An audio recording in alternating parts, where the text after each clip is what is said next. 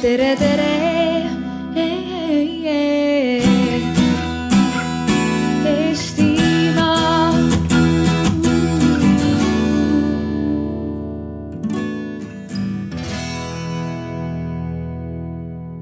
Väga hea meel, et teid on nii palju siia kogunenud, mõned toolid on veel vabad, kes tahab lähemale tulla, saab istuda ümber laua. aga minu nimi siis Hendrik Roonemaa, ma olen äh, geenius.ee portaali äh, üks kaasasutajaid ja arutame siis täna äh, usaldamatusest ja digiühiskonnast ja, ja paranoiast ja paratamatusest. abiks on mul siin kolm inimest, hakkame siit minu vasakult käelt minema, Karen Burns, CGI, CGI, kuidas sa ütled? eestipäraselt CGI. CGI Eesti, mis, mis asi on CGI Eesti? CGI Eesti on, CGI on maailma suuruselt viies IT-ettevõte ja mina siis olen CGI Eesti üksuse äriarenduse juht. millega te tegelete? tegeleme ähm, tarkvaraarendusega, et peamised kliendid on riik ähm,, erasektor ja siis ähm, noh, suurimad kontorid Euroopas on Saksamaal ja Suurbritannias mm. -hmm. sinust järgmise, järgmisena Elmar Vaher, Politsei- ja Piirivalveameti juht. tere hommikust. kas, palju te neile olete arendanud? Ei, oleme vist jah. midagi teinud küll jah. tunnete teineteist ja, ja ja meie rivi lõpetab Tarmo Kärsna Teliast. tere Tarmo sulle Hommik, ka. üks, üks, üks tool on veel vaba, ma vaatan, et kui kes, keegi kes tunneb, et tahab meie paneelis osaleda, et siis on, ma arvan, väga teretulnud.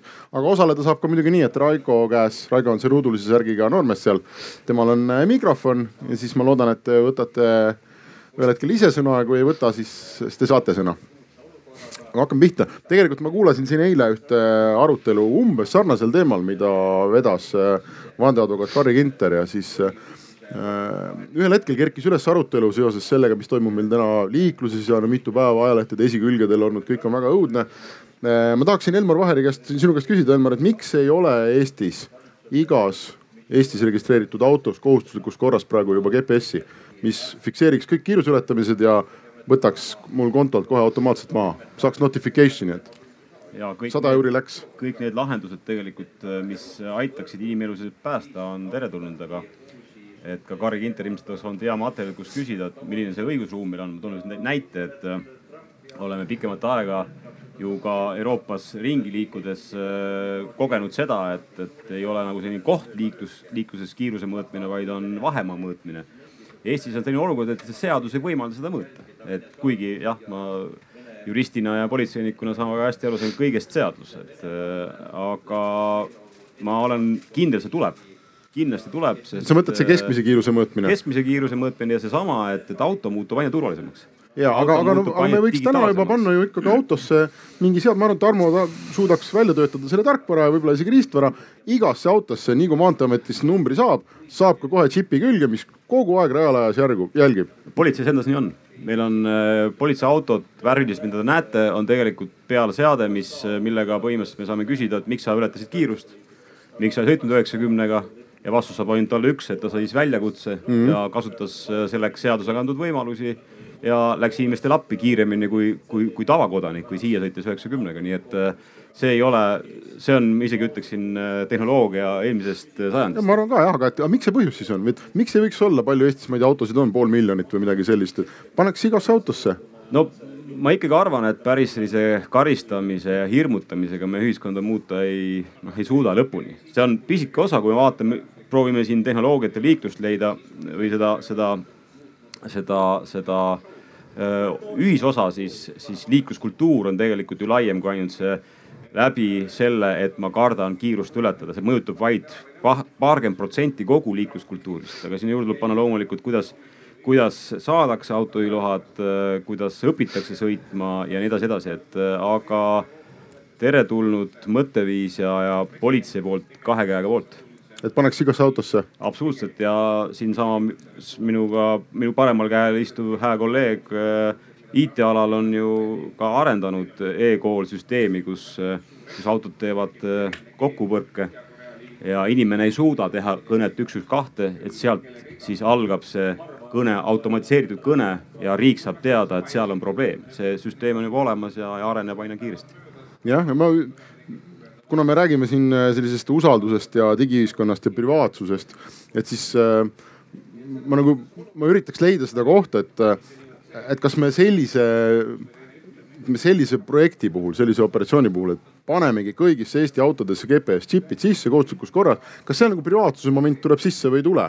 eile, eilses arutelus tuli ja, ja oli äh, siseministeeriumi asekantsler istus siin ja ütles, et mina sellises riigis ei taha elada, kes sellise korra teeb. minule meeldivad alati sellised äh et sellised Harju keskmisest sõita ei, ei tasuks, tuleks vaadata teist poolt. täna see ju niimoodi ongi. Täna see ongi niimoodi. Äh, Rakveres Sõmerul toimunud liiklusõnnetus, kus BMW sõitis ühele sõidukile tagant otsa. me võtame selle BMW, viime äh, esindusse, me saame sealt tohutu palju andmeid, kuni mhm. selleni välja, et, et murdosa sekundil hetkel, millal oli äh, liiklusõnnetus, mis tema kiirus oli, see kõik toimib praegu niimoodi, see kõik on olemas, see. lihtsalt ta ei ole reaalajas, eks ole, sa saad hiljem teada. ta ei ole nagu võib-olla selline, ta ei ole veel selline samasugune seade, nagu mul siin nüüd taskus on, onju, et ma olen juba sellega harjunud, onju, seitse või kakskümmend aastat, et see tuleb, see tuleb nagunii põhimõtteliselt võiks ka, ega Google teab, kui me kiirust ületame, onju. et kui keegi ikkagi Eesti, Eesti maa pinnal liigub kiirusega üle saja kümne kilomeetri tunnis, noh siis on suhteliselt kindel, et tegemist on kiiruseületajaga. tal ei ole eriti palju legaalseid viise liikuda mööda maad nii kiiresti. ei ole jah. Ehm, Tarmo, teie olete, mulle tundub siin nagu selline privaatsuse pakkuja selles paneelis või? Noh, ütleme. Teie kätte jooksevad kõik need andmed kokku ka onju, te ka teate, kui ma kiirust ületan, aga te ei ütle Elmar Vaherile jah, täna ütleme tõesti, Telia vaatest äh, see andmete hulk, mida me omame või mis äh, võimalus meil omada on, on päris suur ja eks sellest tuleneb ka selline kohustus äh, ja, ja, ja ka meiepoolne nagu vaade, kuidas see privaatsus klienti suunalt nagu tagada on ei ole, ei ole lihtne, ütleme ühtepidi on tõesti, meil on väga selge õiguslik raamistik, mida me järgime. aga teine pool on võib-olla tuua selle GDPR-i nüüd jõustumisega ka seoses ehk et kus on täna Eesti elanikel väga palju segadust ehk et mida see päris, päriselt tähendab. ja, ja tuues meie vaatest hea näite on, et kus kliendid äh, nüüd uue seaduse vaatest on hästi palju öelnud meile ei. Ehk nad ei taha, et me nagu andmeid töötleme, et me mingeid pakkumisi teeme ja iga päev me kohtame nagu kliente, kas siis poes või siis, äh, kes helistavad meile, küsivad ehk, et aga miks sa mulle pakkumisi ei teinud ehk et te teate ju rohkem kui mina, ehk et miks te ei tee mulle parimaid, äh, täna teie parimat pakkumist. aga kas me ei tohi. kas see privaatsus, kas, kui me läheme nagu üksikisiku tasandile, kas Eestis on üksikisikuid ja kui palju neid on, keda see nagu privaatsus päriselt huvitab ka või? Et inimesed ka tunnevad, et pagan, et minu andmed, see on minu elu, ärge, et ma tahan olla privaatne. kas päriselt inimesi huvitab see? meie, meie vaates küll me näeme üsna tihti seda, et, et et inimene mingil hetkel hakkab huvituma siis, kui ta hakkab häbenema. näiteks see. siis, kui midagi varjata või? ta juba, ta juba hästi palju jagab ja hästi palju annab. mul omal üks selline hea kogemus oli, tulin ühelt parlamendikomisjoni arutelult, mis puudutas ka privaatsust ja täpsemalt siis kaamerasüsteemi linnas, kus on võimalik siis Tallinnas käites näete väga vähe, lähete Londonisse, siis äh, iga samm on, on, on, on äh, pildi peal. ja sealt tulles õhtul koju minnes äh, läksin äh, oma viigipüksed riikimismajast tooma ja minu ees oli üks daam, kellel oli kaks suurt vaipa, sellised äh, ja ta viis vaipasid keemilisse puhastusse. Ja seal äh, küsib siis klienditeenindaja, järjekord on mina ja siis veel üks äh, proua ja siis oli veel üks inimene ja, ja siis küsitakse, klienditeenindaja küsib andmeid, kas te saate öelda oma eesperekonnanime, ütleb see, see nimi. Öelge palun oma kodune aadress, ta ütleb koduse aadressi, öelge palun oma telefoninumber, annab telefoninumbri ja siis klienditeenindaja küsib igaks juhuks, et, et me saaksime äh, teiega paremini suhelda palun öö, oma abikaasa telefoninumber ja nimi ka ja kõik tuli.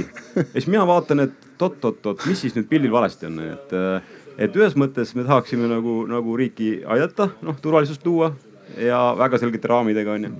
ja teise koha pealt tegelikult inimene jagab seda, kuidas jumal juhatab, sest ta, ta on motiveeritud, ta on motiveeritud saama midagi, kas siis mingi account'i või mis iganes kuhu ma tahtsin oma jutuga jõuda, on, et tegelikult mingi hetkel see inimene hakkab aru saama, et, et ma jagasin liiga palju ja siis ta hakkab muretsema oma, oma sellesama äh, privaatsuse ja, ja kogu selle andmete pärast. no Karri. ja, et kindlasti on inimesi, et äh, noh, mida rohkem me meediaga kajastab privaatsuse teemade olulisust, seda, seda enam inimesed selle peale mõtlevad. ma eile valmistudes ette selleks paneeliks võtsin Google'ist kõik oma andmed välja. ma läksin enne magama, kui see kokku sai siis võttis kolm tundi ja ma sain siis kell kaks hommikul meili, et neid on Google'il seitse gigabaiti minu kohta. mis on päris palju. aga seal on sees sinu, kõik sinu mingid Gmailid ja ma ei tea, kui sa Google tohutu, Fotost kasutad, kõik asjad, eks ole. tohutu, tohutu nimekiri. et, et miks ma ise hästi privaatsust äh, noh jälgin ja, ja, ja kas mitte kar kardan ka, eks, et ma olen elanud Lähis-Idas, Lõuna-Aafrika Vabariigis, Suurbritannias ja Dubais äh, on noh, net mingi piirini tsenseeritud, nii et sa pead väga jälgima, mis saitidel sa käid, mida sa kus kommenteerid. Sheik'i kohta ei tohi halvasti öelda, kohaliku usu kohta ei tohi halvasti öelda, et, et ma ei taha ju lennujaamas noh vangi minna lihtsalt sellepärast, et ma olen kuskil mingisuguse rumala nalja teinud. nii et mina väga regulaarselt käin oma sotsiaalmeediat üle ja uurin, et mis, mis siis seal keegi minu kohta, kas tag inud on või jaganud. et kui ma jälle sinna tagasi lähen, et mul mingeid muresid ei tekiks. aga tavaliselt öeldakse selle kohta, et et et eh, noh, kui sul, sa oled nagu õige inimene, kui sul midagi karta pole, kui sa pole midagi valesti teinud, noh, mis sa siis värised. kas sul on siis kahju öelda või et noh, et järelikult sul on ikka midagi varjata. see on sihuke naljakas kommentaar jah, et eh, aga noh paarkümmend aastat tagasi keegi ei oleks kogunud neid andmeid minu kohta, lihtsalt neid on nii lihtne koguda. et, et kui on põhjus, kui on kahtlus, jah, palun. aga mis sa kardad, mis sa, mis sa oled siis oled valesti teinud? mina arvan, et ma ei ole midagi valesti teinud no., aga kui me vaatame kogu seda andmemahtu, seesama seitse giga, mis Google'il on, eks ole. et kui ma olen guugeldanud sõna ISIS, miks sa guugeldasid sõna ISIS, et kas sind huvitas, äh, mis nad täna teevad, mis nad homme teevad? kas sul on mingisugune Dubais elamisest tekkinud mingisugune võib-olla selline streak, mille tõttu sa neid uurid, noh, et, et kogu see noh, võib-olla uurisid sõbranna kohta. äkki sa tegid trükivea? äkki tegin trükivea. no vot, et, et, et seda ju ei tea, mis see andmemaht on, mille kohta on siis võimalik igasuguseid eh, noh, pahatahtlikke siis assotsiatsioone luua minu kohta mm. -hmm. mina näiteks äh, võtsin nädalavahetusel kätte ja kustutasin ära kogu oma Twitteri ajaloo jätsin vist alates maikuust ainult jätsin, aga seitse aastat, kaheksa tuhat üheksa tuhat tweet'i läks, pumm. natuke kurb oli vaadata ka, kuidas see joon niimoodi läks, et mõnes mõttes nagu ikkagi ajalugu on ju. aga, aga täpselt samal põhjusel, mida sina ütled, et äh, ma oma arust ka ei ole midagi, eks ole, valesti teinud või noh, kutsunud Twitteris üles, ma ei tea millele või mm. keda, keda, mida tegema. aga sa iial ei tea kui need andmebaasi nii-öelda muudkui koguneb sinu kohta, et see, mis näiteks äh, täna on okei okay,, võib viie aasta pärast olla mingil põhjusel äärmiselt mitte okei okay ja, ja siis see tuleb tagasi ja inimesed võivad sealt rebida välja jumal teab mida ja hakata küsima ja näitama, aga näed, mis sa siis ütlesid. ja mulle lihtsalt tundus täiesti emotsionaalselt, et mul ei ole seda vaja. ma ei mm. taha mhm. seda. Tarmo, kui ma äh, kasutan teie seda M-parkimise äppi, kaua te neid andmeid hoiate? Hea küsimus esimese hooga, et mõtlesin, ma ei oskagi isegi öelda, kaua, et me seda nagu hoiame. kindlasti me ei, kindlasti me ei jaga seda, et äh.... vaata, mul on see mure, et kui mul on äh, firma nimel on auto on ju ja registreeritud töösõitud, eks ja ma väidan maksuametile, et ma olin Valgas, aga tegelikult parkisin südalinnas ja kuna me arveldame, siis me peame neid arve hoidma seitse, seitse aastat on ju vähemalt meie, meie oma töös kasutame tegelikult andmeid väga palju. meie jaoks on äh, kullaauk see, et inimene ennast väga palju maha jätab mm. -hmm. et äh, me nimetame seda selliseks mittelegaalseks andmekoguks, sest inimene ju vabatahtlikult sinna hästi palju pistab ja, ja inimese tausta või tema, tema uurimise käigus on äh, ma isegi ütleksin, kohati on sealt rohkem saada kui ametlikest andmekogudest, et, et üsna tihti kardetakse, et mis, mis nagu politsei, mida politsei omab tegelikult me omame seda, mida te sinna panete, et äh, ja meie jaoks on see kulda väärt, et kui, kui mõelda nüüd paha äh, kättesaamise vaatenurgast, et pahad panevad ka väga palju oma andmeid sinna, nii et, et meil on väga tugev andmekogu, nii nagu sina ütlesid, et otsisid, palju sul mahte on, siis meil on meeskond, kes töötavad, et otsida võimaliku kurjategija kohta andmeid, kus ta eksib. aga sa, sa mõtled lihtsalt internetist, avalik, avalikest kohtadest või? keegi on... paneb Instagrami midagi üles ja? seal tutvuste, miks sa selle näoga oled, kes või selle, selle inimesega koos, see näitab, et sa sa ei võta suvalise inimese omale kuhugi sünnipäevapeole privaatsesse kohta, keegi kindlasti pildi teeb ja keegi kindlasti üles paneb. meie jaoks on see aplaus ainult. ahah Tarmo, teie teate minu kohta nagu või ütleme Eesti inimeste kohta ikka suhteliselt palju. ma tean, et telkodele ei meeldi sellest rääkida, aga no mul on võimalus, mul on mikrofon peas, ma võin rääkida siis, et äh, et ma saan aru ka, miks telkod tegelikult ei taha seda rääkida, kui mõtlema hakata, siis te tegelikult teate, mis kell Eesti rahvas ärkab mis kell Eesti rahvas magama läheb, mis kell nad tööle lähevad, mis kell nad töö juures päriselt tööd teevad või ei tee, mis internetisaitidel käiakse, kus liigutakse, kui kiiresti liigutakse, kellega koos liigutakse no, see on lõpmatu hulk äh, asju, eks ju, mis poes käiakse, mis kell, mis pakkumised töötavad. Te teate tegelikult kõike seda ähm, või, või mõtlesin, kas te teate või ei tea, teil on need andmed olemas, aga sealt nüüd selle, selle sammuni, et ma tean, see eeldab ikkagi analüüsi ja nende kokkupanemist, eks ole. jah, ütleme selles mõttes nagu vahe ongi selles äkki, et meil on hästi palju andmeid.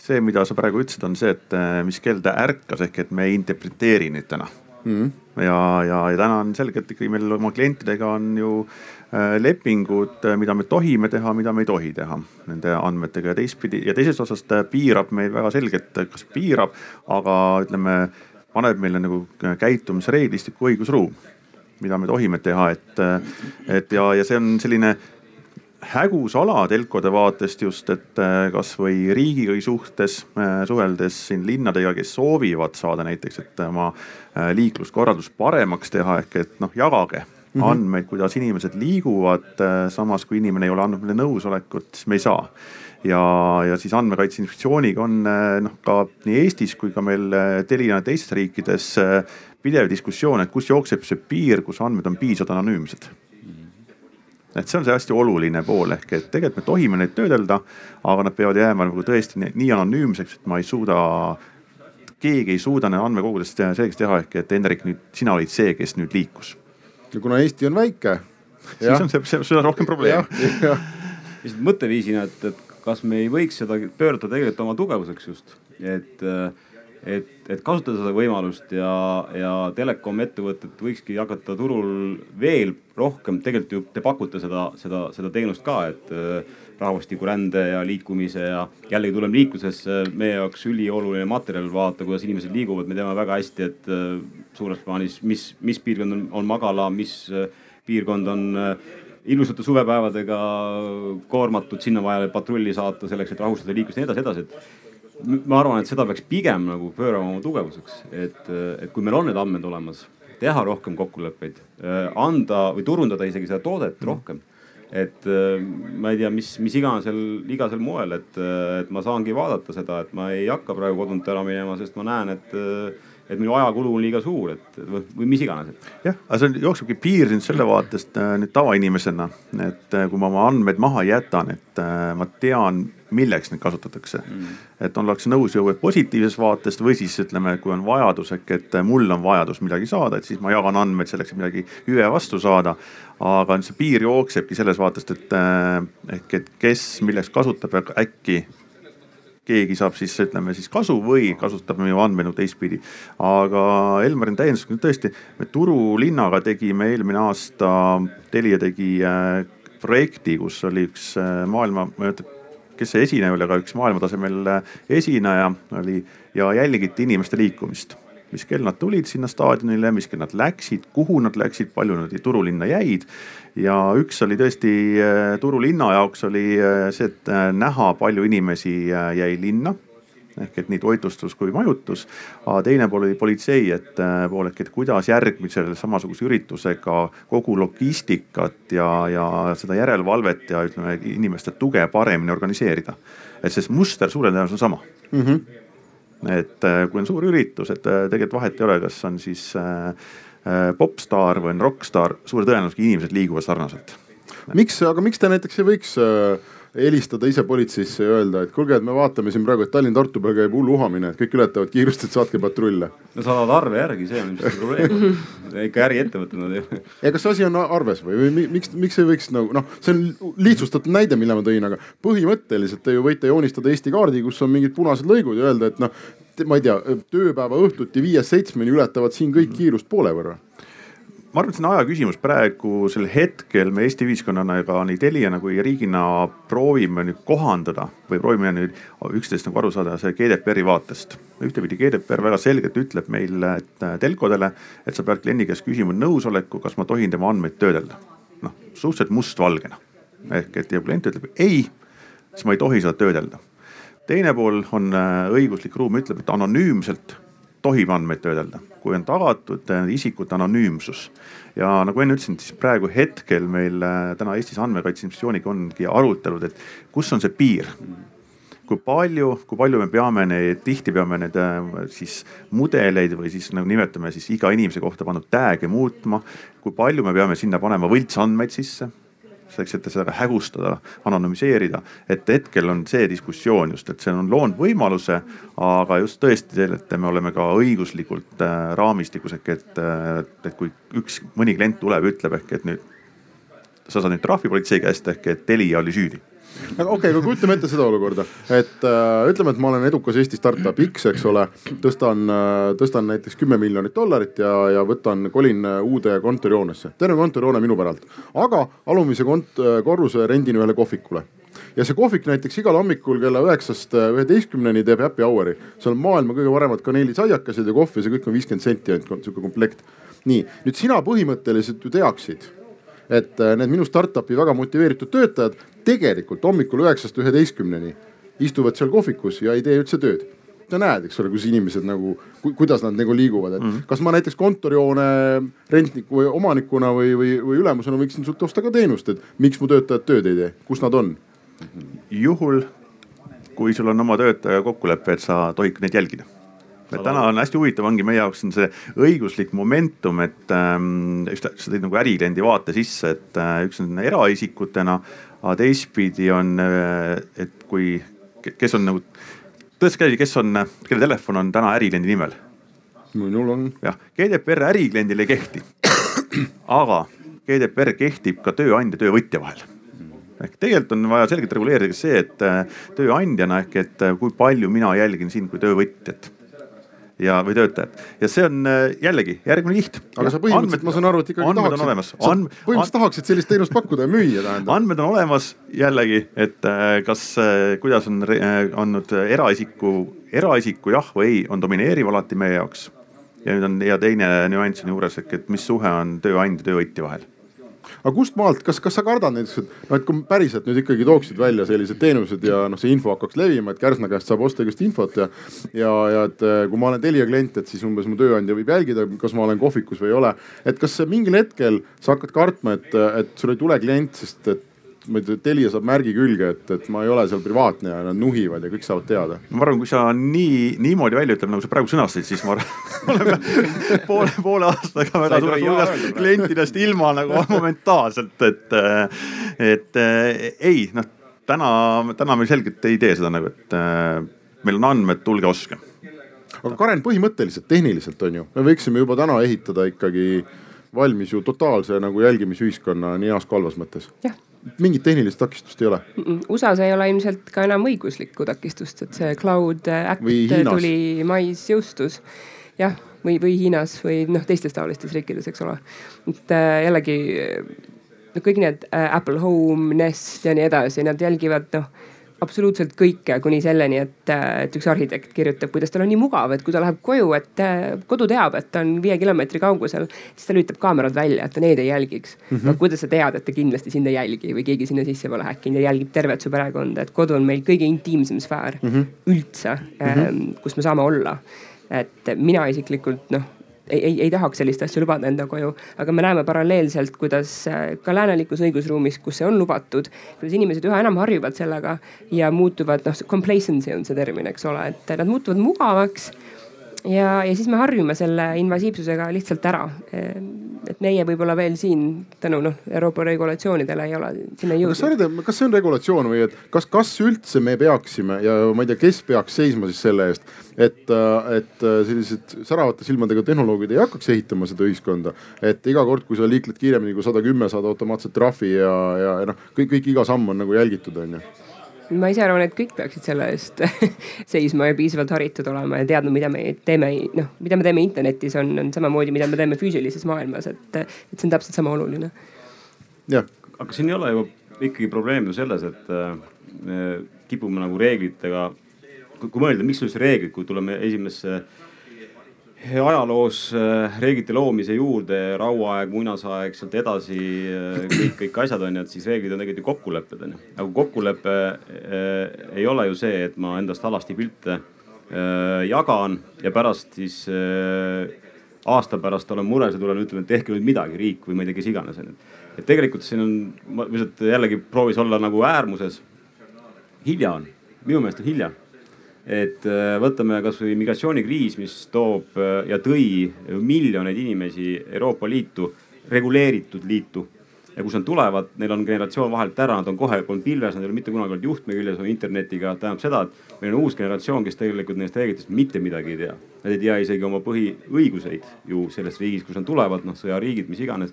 seal on diktatuur ja muud asjad, neid on palju, neid on väga palju ja see, see kultuur ju noh, see mõjutab meid, et et mina julgen öelda, et meil on natuke hilja juba isegi niimoodi küsida, et see, see toimibki nõnda. see totaalne jälgimine või? mina ise teen endast nii palju, et mind, ma olen jälgitav. selleks ei ole vaja äh, suuri äh, tehnoloogilisi arendusi, riiki, see on võimalik, see on ainult ava oma konto ja, ja näita ja, ja sa oledki jälgitav ju kogu aeg.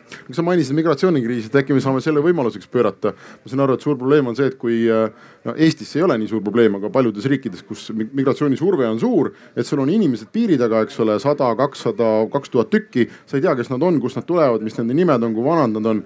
põhimõtteliselt tuleks igale tüübile anda mobla kätte ja siis hakata vaatama, et mis Facebooki kontol ta käib. enamusel muidugi ongi. jah, et, et niimoodi nad identifitseerivad ennast ise ära lõpuks ja, ja, ja oma suhtlusringkonna. et see on huvitav trend, et ta tuleb üle piiri, tal ei ole söögiraha, aga tal on väga hea nutivahend, et, et see on tavaline ma, ma tahaks äh, kaasata ka meie publikut nagu arutelu, et kas päriselt on hilja või et kas, kas te tunnete, et, äh, et selline jälgimisühiskond kohe-kohe ongi tulemas? jah, seal on käsi püsti. Raigo annab mikrofoni olen äh, Liis ja ma olen küll küberparanoik natuke, et äh, kui ma ise töötan ka tehnoloogiasektoris, et äh, kui ma mõtlen selle peale tõesti, millist infot minu kohta olemas on avalikes andmebaasides ja endise ajakirjanikuna ma tean väga hästi, kuidas inimeste kohta avalikest andmebaasidest igasugu infot üles kaevata. Et siis tõesti, ma arvan, et me kõik oleme jälgitavad. Ja nii ka niipea, kui sul on kaasas mobiiltelefon või kui sa liigud kusagil keskkonnas, kus on kaameraid, et sa jääd kaamera peale et siis äh, ma küll arvan, et, et, et jälgida on võimalik, et iseasi, kas on seda tehnoloogilist võimekust äh, tuvastada nägusid juba kaamerate järgi nii, nii head. ma olen viimasel ajal lugenud palju äh, artikleid Hiinast ja siis ma, ma alati mõtlen, et kas see, kui nad seal räägivad sellest, et näiteks, et jalakäijatele, kui nad ületavad vales kohas teed, et siis pannakse neid nagu shame wall'i mm -hmm. sinna nagu ka suurte ekraanide peal, et siis ma alati mõtlen, et huvitav, kas neil tegelikult on see võimekus või nad lihtsalt üritavad näidata, et meil on see võimekus, et lihtsalt nagu oma rahvast kuidagi paremini kontrolli all hoida. Neil vist ikka natuke on ka. natuke on jah, aga, aga võib-olla ma kahtlustan, et äkki see ei ole nii hea, kui nad tahaksid tegelikult välja näidata aga kui sa ütled, et sa, sa tunned juba praegu või sa tead, et sa oled jälgitav suhteliselt nagu palju, et kuidas, kuidas sa julged üldse ringi liikuda ja kuidas sa julged siin istuda praegu? No eks sa siis harjud sellega, et sind, sind jälgitakse, et et mina, ma tõesti viimasel ajal väga palju mõtlen selle peale, et milliseid otsinguid näiteks ma internetis teen. no võib-olla jätkuküsimus, et kui mitmele inimesele andsid teada, mitte nendega kohtudes, et sa täna siin oled? Kusjuures sel Päris aastal on äh, esimene aasta, kus ma pole ühessegi sotsiaalmeediakanalisse postitanud, et ma olen siin. ainulaadne aga sel aastal on ka esimene aasta, kus ma ei ole festivali tiimiga kuidagipidi seotud mm. -hmm. kas meil on äh, veel käsi püsti ja seal nurgas on ka, seal ees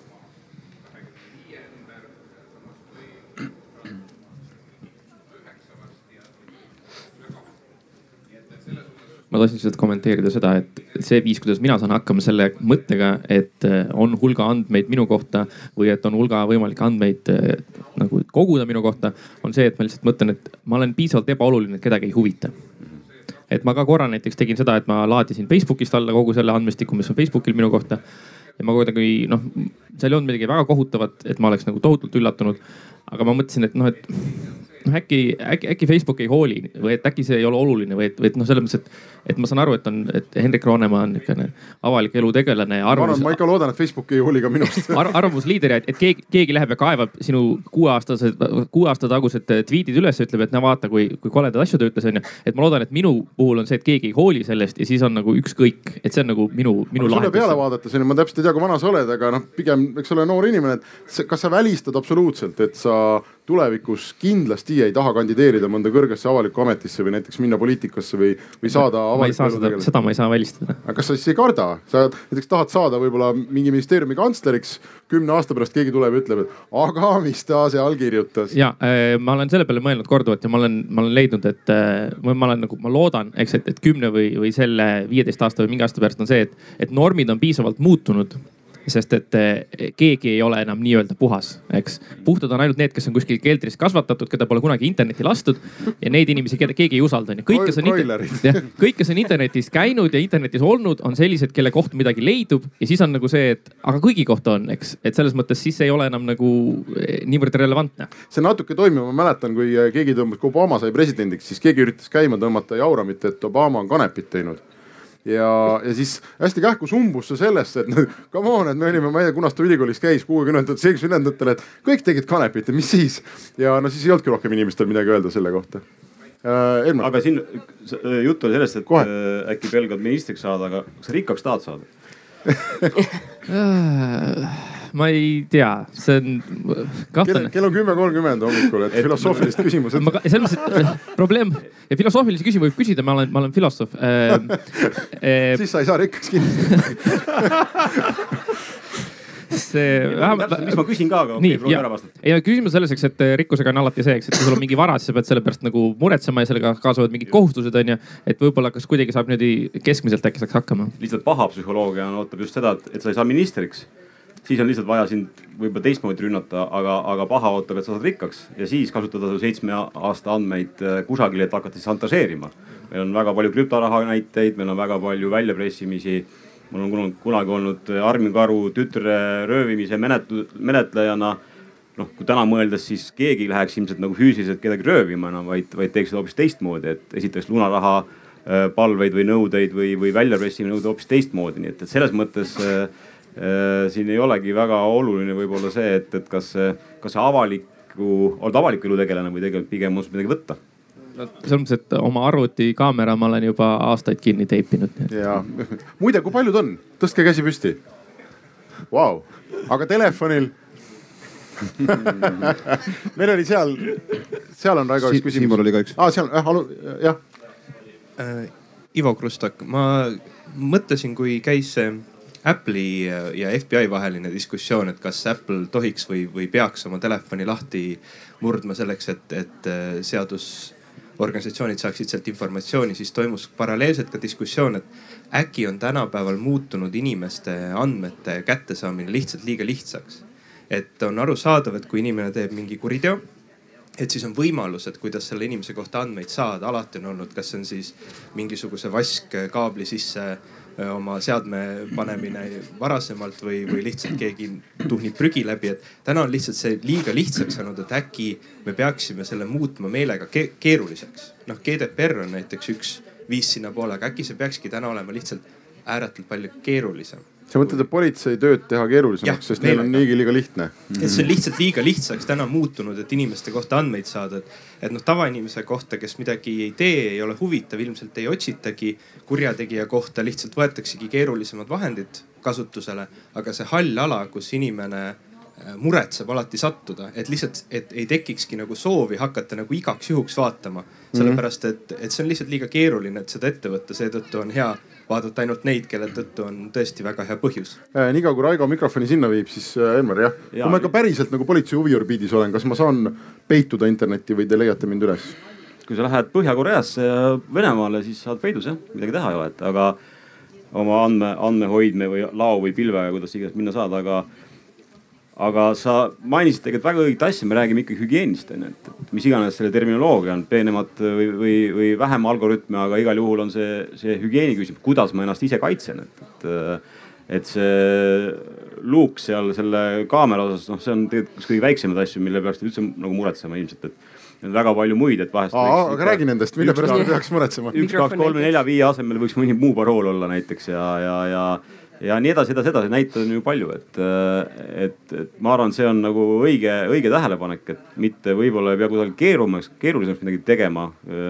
sest ma arvan, keegi meid ei taha ju seda öelda, et kurjategijad, andke minna, onju, et, et teeme nagu riigile midagi keerulisemaks. aga, või on teistmoodi arvamusi, võib-olla, võib-olla on. mina arvan, et ei ole, teades, kuidas see kõik käib ja, ja kui kurjad on kohtunikud meie peale tavaliselt, kes lube annavad, siis kuhugi sisse minna. aga äh,, aga et, et me peaksime kindlasti õpetama inimesi enam äh, hügieeniga tegelema, iseennast kaitsma, et äh, ja minu arvates, kui me, kui ma hästi mäletan, ikkagi meie sotsiaalmeedia selline ajastu on selline seitse, kümme, viisteist aastat vana, et äh, meil ei ole ühte isegi generatsiooni läbi käinud, et, et meil, me oleme sellises heas mõttes nagu noh, noorukid, et, et mm -hmm. saamegi ainult targemaks, nii et. ma arvan, et siin ongi vaata mitu dimensiooni ehk et üks nagu usaldus on see märksõna seal keskel, et äh, noh see, mida sa praegu ütlesid, on tõesti, et mina kaitsen iseennast äh, kur-, noh, ütleme kurjade inimeste vastu, kes tahaks nagu mind rünnata, minu andmeid kätte saada. noh, teine pool on siis, et minu andmed erinevate teenuste pakkujate juures on see Facebook või see, kes teevad minu andmete pealt raha. noh, tahaks ka saada ju on ju, või et, et ma ei tea, mille jaoks need on, aga reeglina selle pealt tehakse äri ja väga suurt äri. ja, ja kolmas, mis siin enne oli jutuks ka, on jällegi, et minu andmetega on võimalik teha ühiskonda paremaks noh, seesama, et jälgime, kuidas rahvastik liigub, läbi selle loome paremaid äh, infrastruktuure, linna, linnu politseil on parem meid turvata ja nii edasi. et on kolm dimensiooni ja, ja vot see on see segadus eraisikuna ehk et äh, kellele ma andmed annan ja muutuvas maailmas. no annad ühele, läheb kõigile. et kas Telia on nõus tegema mulle poole odavama minuti hinna, kui ma luban kasutada oma andmeid? oli vist see sinu loogika üks nendest? Kui ütleme, see on, see on jah, see on nagu ärivaates ehk et kui enne Hendrik äh, küsis ehk et äh, kas, äh, kas Telia teeks nagu äri on ju ehk et ma ei tea, kas oleks nõus, et saad poole hinnaga, aga ma kasutan sinu andmeid selleks, et ma saan müüa no, kellelegi, sinu andmeid kellelegi müüa juba. ma vaataks pakkumist. nii, seal on mikrofon, on jah? tere, et veebikonstaabel Maarja, et ma tahtsingi tuua selle näite nende kuue aasta taguste sotsiaalmeedia postituste ja asjade teemal, et tegelikult minu poole pöörduvad äh, tihtipeale äh, need inimesed, kes tahavad siis minna näiteks Sisekaitseakadeemiasse politsei eriala õppima, aga ütlevad, et näed, et äh, kuskil sotsiaalmeedias on ripakil mingeid asju või, või kasvõi see, et noh, tõesti, et olin teismeline, tegin suitsu, politsei tegi mulle trahvi, et kas nüüd ongi kõik kriips peal. et, et mina enam politseisse ei saa, ei saa nagu kandideerida ja tulla või see, et äh, kuskil olid sellised võib-olla poolpaljad või, või üsna paljad pildid minust ja, ja mina ei oma kontrolli nende eemaldamise üle, üle, et noh, et, et kuidas nüüd see asi on ja tegelikult, äh, mida mina olen ka alati nagu öelnud inimestele, et tegelikult noh, sinu õigus ongi ju seletada seda, et see, mida sa kuus aastat tagasi ütlesid ja mõtlesid, et see oli see, mida sa tol ajal mõtlesid, sa saad, sa saad seda põhjendada. sa saad öö, äh, oma otsuseid põhjendada ja, ja sa saad öelda ka seda, kas sa oled praegu selle arvamusega tegelikult nõus või mitte, ehk siis sa saad näidata, kas sina inimesena oled arenenud, kas sa oled sellest mässumeelsest puberteediealisest, kes suitsetas ja rikkus võib-olla muid äh, seaduspunkte oled nagu üle saanud ja saad aru, et äh, sul on võimalus ja enda elukogemus, mida sa saad nüüd rakendada ja, ja töös aidata. et tegelikult mina olen alati öelnud, et minge julge rinnaga ja rääkige enda asjadest ausalt, et äh, ärge oodake seda, et keegi ütleb, et kuule, et no ei tea, me leidsime sinu kohta kuskilt äh, sotsiaalmeediast midagi kahtlast. laduge see lauale, noh ja, ja see on minu arust kõige õigem asi, et noh, et ole mees, kui sa oled midagi kirjutanud, siis tunnista üles ja kui sul on häbi, võta maha, aga pärast noh, kui, kui see tuleb välja, siis vabanda, midagi, midagi sellist. Ma just täiendaks ikka, et, et üks on jah, et kas minna Sisekaitseakadeemiasse, et äh, analoogne juhtum oli mul omal äh, tööalas, et äh, võtsin tööle uue inimese juhiks ja saatsin välja nimekirja, ma olin välja valinud ja tund aega hiljem saadeti mulle pilt Äh, sellest inimesest äh, kahe või kolme õllekasti juures. kas sellise juhi sa mulle valisidki või? mis, kas, aga mis siis, ma just tahtsin küsida ka selle Maarja jutu peale, et aga, aga mis siis või et kui, kui me oleme kõik elanud sellises äh, noh, kasvanud üles selles, et iga asi on üles pildistatud ja keegi midagi teab ja iga jälg on maha jäänud. et kas äkki normaalne nagu reaktsioon ühiskonna poolt siis võikski olla, aga mis siis? et normaalne juht oli, tegelikult normaalne mees on ju. oli jah, saunapidu, mis siis, no lähme edasi, et äkki see võiks nagu tekkida või? Ta võiks tekkida. mis sa, mis sa tegid selle õnnetu inimesega, kes õllekasti kõrval julges seista? ei, mina ütlesin samamoodi, ütlesin, et kurat tuleb jumalast normaalne vana, kõik on teinud, aga rääkige omavahel asjad selgeks, et aga. kõik on elus õllekasti kõrval seisnud, tõesti noh, suur õnnetus juhtus äh, nii, kas meil on veel? Marvetil oli vist käsi püsti, ma nägin. üks moment siin vahepeal oli ka. aa, okei okay ma tegelikult äh, tahtsin seda Liisi mõtet äh, kuskil kümme minutit tagasi kommenteerida, et, äh, et ma, ma olen ka vist natukene nagu pessimistlik või paranoiline selle osas, et mul on tunne, et Eesti riik ja Euroopa hoiab seda infot, mis ta teab mu kohta ja võib-olla PPA ei tee minuga asju, kui nad saavad minu kohta mingeid asju teada, aga, aga ma ei tea, võib-olla Liis teab, kui ta Liina kohta lugenud, kommenteerida. eelmine aasta ma lugesin kuidas nad on ikkagi edasi läinud selle programmiga, et nad äh, annavad äh, kodanikele hindeid äh, selle kohta, et kui, kui tublid nad on ja siis ka sanktsioneerivad, kui sa ei ole nii tubli kodanik võib-olla. Et see on pigem see, mida ma nagu kardan, et see, nagu, see worst case scenario, et mis, mis, mis see riigikorra muutus võib kaasa tuua ja siis mida minu andmetega siis tegema hakatakse. Jah, tsiteerides jällegi siseministeeriumi asekantslerit eilsest arutelust, ta ütles, et selliste asjade vastu kaitseme me ennast valimistel. Et no, see on tõenäoliselt kõige, kõige parem kaitse, mis meil saab olla.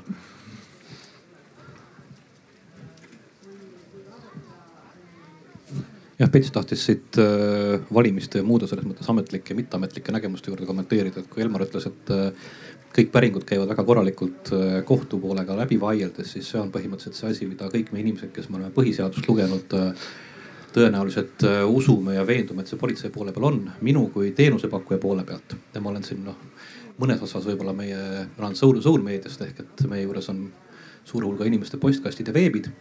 ja politsei ametlik, politsei proksi ametlik seisukoht on see, et äh, informatsioon, mis on serveris, seda võib küsida välja lihtsalt politsei uurija kirja peale ehk tegemist on põhimõtteliselt tõendusmaterjali väljaandmisega ja rääkides sellest äh, kripo ja riigiproksiga, siis tekkis mul täiesti küsimus, tähendab, et äh, kas tegelikult inimesed, kes seda informatsiooni haldavad, on nagu põhiseadust lugenud. ja kas on aru saada, et need nõuded, et see, et äh, te peate kohtunikele põhjendama, tulenevad konkreetselt põhiseadusest ja vajalik, vajadusest balansseerida nii-öelda selles mõttes selle õiguste riive poole pealt. et tähendab see noh, nagu see nii-öelda see klantspilt erineb sellest üsnagi sugev, sügavalt ja teine pool on see, et äh, kui mina lähen politsei juurde informatsiooniga, mis näitab äh, ära, kes on teinud paha, siis äh, see kogu see korrale kutsumise pool on minu jaoks sageli lõppenud sellega, et öeldakse, et ei, et noh, et, et see, see inimene on siin nagu teises Euroopa Liidu riigis. et meie politsei sellega ei tegele. ehk selles mõttes, et selle informatsiooni kättesaamise selline põhiseaduslik pool ja teise poole pealt valmisolek selleks, et kui teile tuuakse informatsioon ära kasutada. et need on tegelikult nagu sellised äh, küsimused, mida põhimõtteliselt võiks kindlasti ka valimistel arutada. aga ma kahtlustan, et nad jäävad valimiste konteksti jaoks natukese liiga keeruliseks, aitäh. jah, sa vist peaks ja, vastama. ma peaks siis vastama jah, kommenteerima, et minu meelest, kui äh, jällegi me äh, püüame vaadata võib-olla musta ja valget, üks arvamus, teine arvamus, nagu me juristina ütleme, on olemas kolm, kolm juristi, neli arvamust. aga see teema on üks äh, minu meelest põnevamaid teemasid Riigikohtu otsustest. ja, ja ega äh, loomulikult meie süüstajana loeme seadust selliselt, nagu meie sellest aru saame. nii nagu koolis õpetatakse ja nii nagu Riigikohus meile ka ette annab, nii et, et nii me ka kasutame.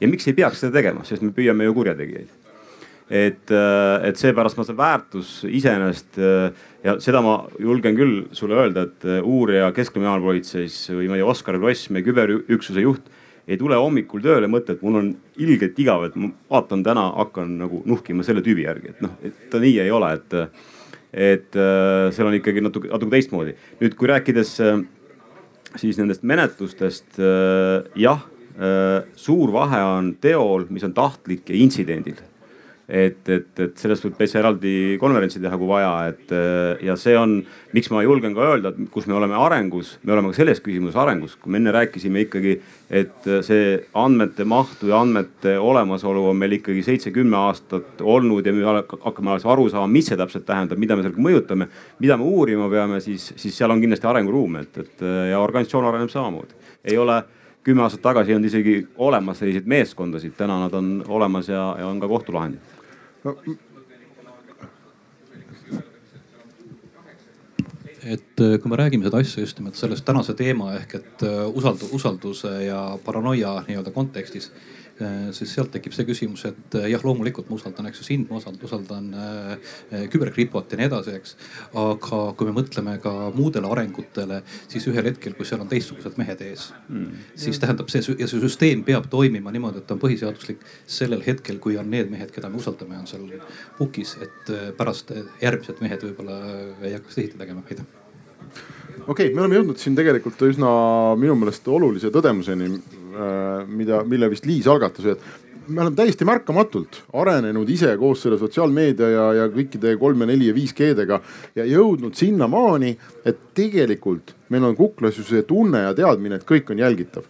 Et me olemegi tegelikult kogu aeg jälgitud, nagu, nagu sa ütlesid, et sa mõtled enne, kui sa internetist midagi otsid, mina ka mõtlen veel ma arvan nagu kolm-neli-viis aastat tagasi ma ei mõelnud, et mida ma sinna brauserisse sisse tooksin, onju.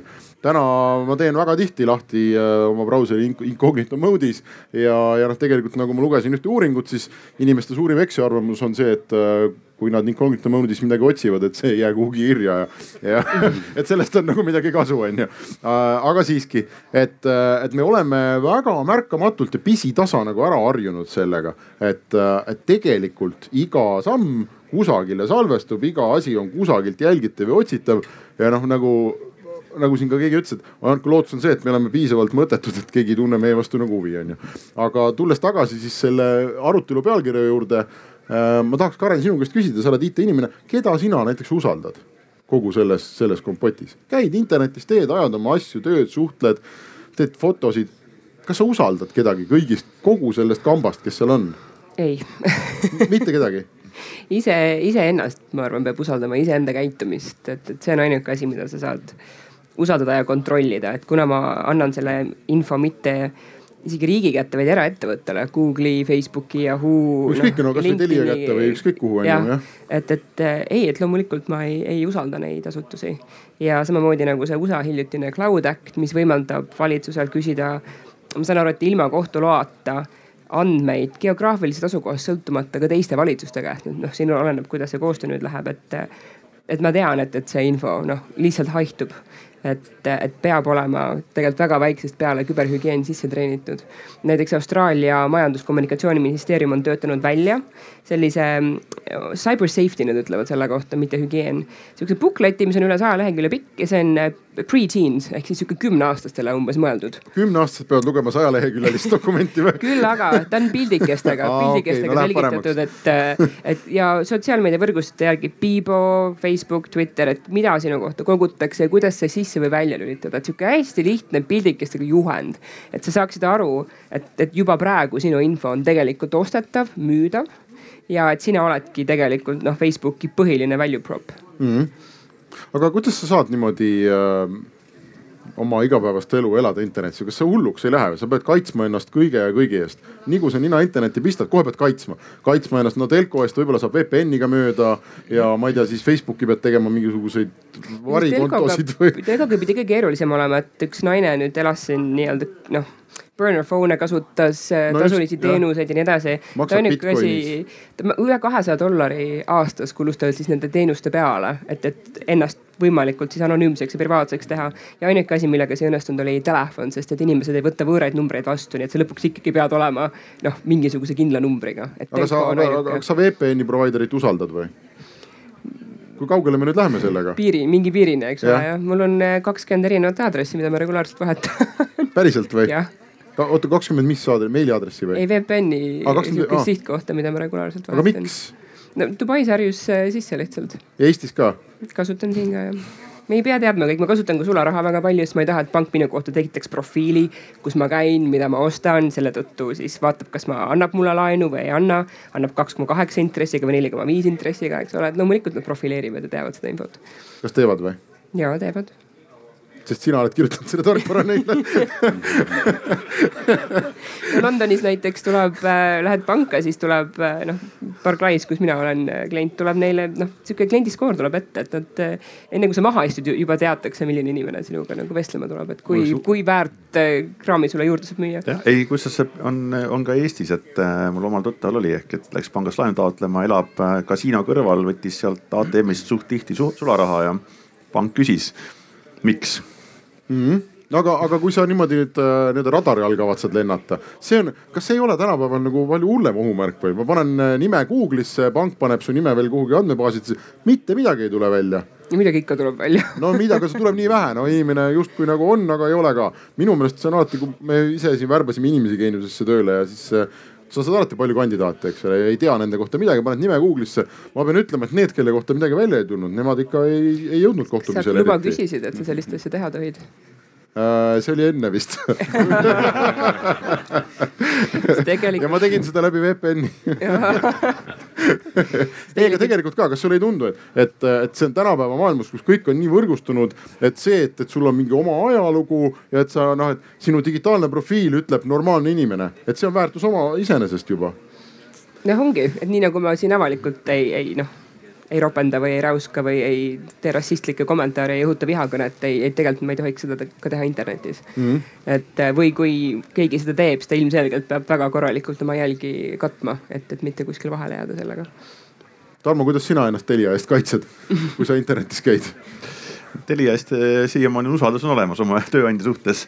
aga ma olen nõustunud sellega, et äh, tõesti ise igaüks peab ise mõtlema selle peale, et miks ja mida minu kohta nagu ja kuhu ma jagan ja kes ma inimesena olen, et äh, ja, ja millist ettevõtet ma usaldan ja mis, mis siis tähendab, et, et see on riskiküsimus ehk et äh, kui palju ma Facebooki panen, kui palju ma ennast avalikuks teen omades aimdust, kui palju sellest võib raha teha, on ju, kas see on minu jaoks okei okay või ei ole, ehk et kumb, kumb nagu prevaleerib see ehk et mu sõbrad teavad ehk et millal mu sünnipäev on. kuna noh muidu ei mäleta, kui Facebooki ei ole, Facebookis seda ei ole, on ju, äh, või ei ole see oluline ja see on igaüks nagu peab enda jaoks lahti mõtestama ja, ja, ja, ja selles mõttes ongi see seadus ka mõnes mõttes aitab seda ehk et see õigus unustada, on ju. et kui nüüd äh, usaldus kaob teenuseandja suhtes, et siis sul on õigus pöörduda ja öelda, palun kustutage ära noh. et äh, sel hetkel mul kaob see usaldus on ju, et, äh, et me peame, see on täiesti uus ühiskond, kus me peame harjuma käima ehk et, et ei erine palju ju füüsist, füüsilisest ühiskonnast ehk et, et täna käin ühes poes, ei meeldi, lähen teise pooli, hakkan seal käima noh.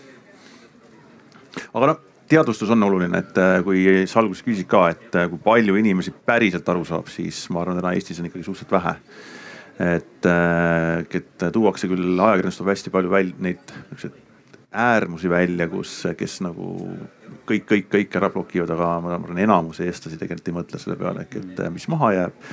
ja, ja ahvatlused on suured, noh kasvõi tõesti see, et poest midagi äh,, lähed veebilehele ja on, et aktsepteeri cookies'i suhteliselt kiiresti, kuna ta segab su vaadet seal üleval, see silt on ju. paned jah ära, leht on puhas, on ju. on see või siis äh, sattusin ühe Eesti tuntud kauba, veebikaubamaja lehele ehk et äh, siis ka oli kavalus, kuidas, kui tavaliselt on äh,, hakkad ostu tegema, siis on linnukastid ehk et kas soovid häid pakkumisi ehk et pane linnuke. Ja, ja see kaubamaja oli sõnastanud teistmoodi, et Nii. pane linnuke. kui sa ei soovi või? jah uh. -huh. Ehk, no see on see vana hea äh, opt-in või opt-out. just, just, et äh, väga kaval, siis inimene on harjunud, äkki ma ei pane sinna linnukesi ja, ja mitte pannes tegelikult sa ütlesid jah, ma olen nõus, mm. onju. et äh, tuleb ise tähelepanelik olla mm. -hmm. kas meil on äh, publikus, jaa mõtlesin ka vahelduseks natuke niimoodi õli tulle valada, kasvõi selle paranoia või küberhügieeni koha pealt. et üks variant on ju see, et käite oma internetis väga viksite viisakalt. Aga samas nagu öeldud, et neid võimalikke riske on ju mitmeid et siit ka see küsimus, et mis siis on, et äkki on võib-olla meil näiteks idanaabril olemas sihuke pikk mitmekümne tuhande inimese nimekiri, kellele nemad on valmis tegema välja pika nagu reisi kuskile äh, kaugele maale. et mida siis nagu, kuidas nad sellega vastu kaitsta? et oleme küll viisakad internetis ja käime kõik hästi, aga et võib-olla on see teistmoodi ohtlik.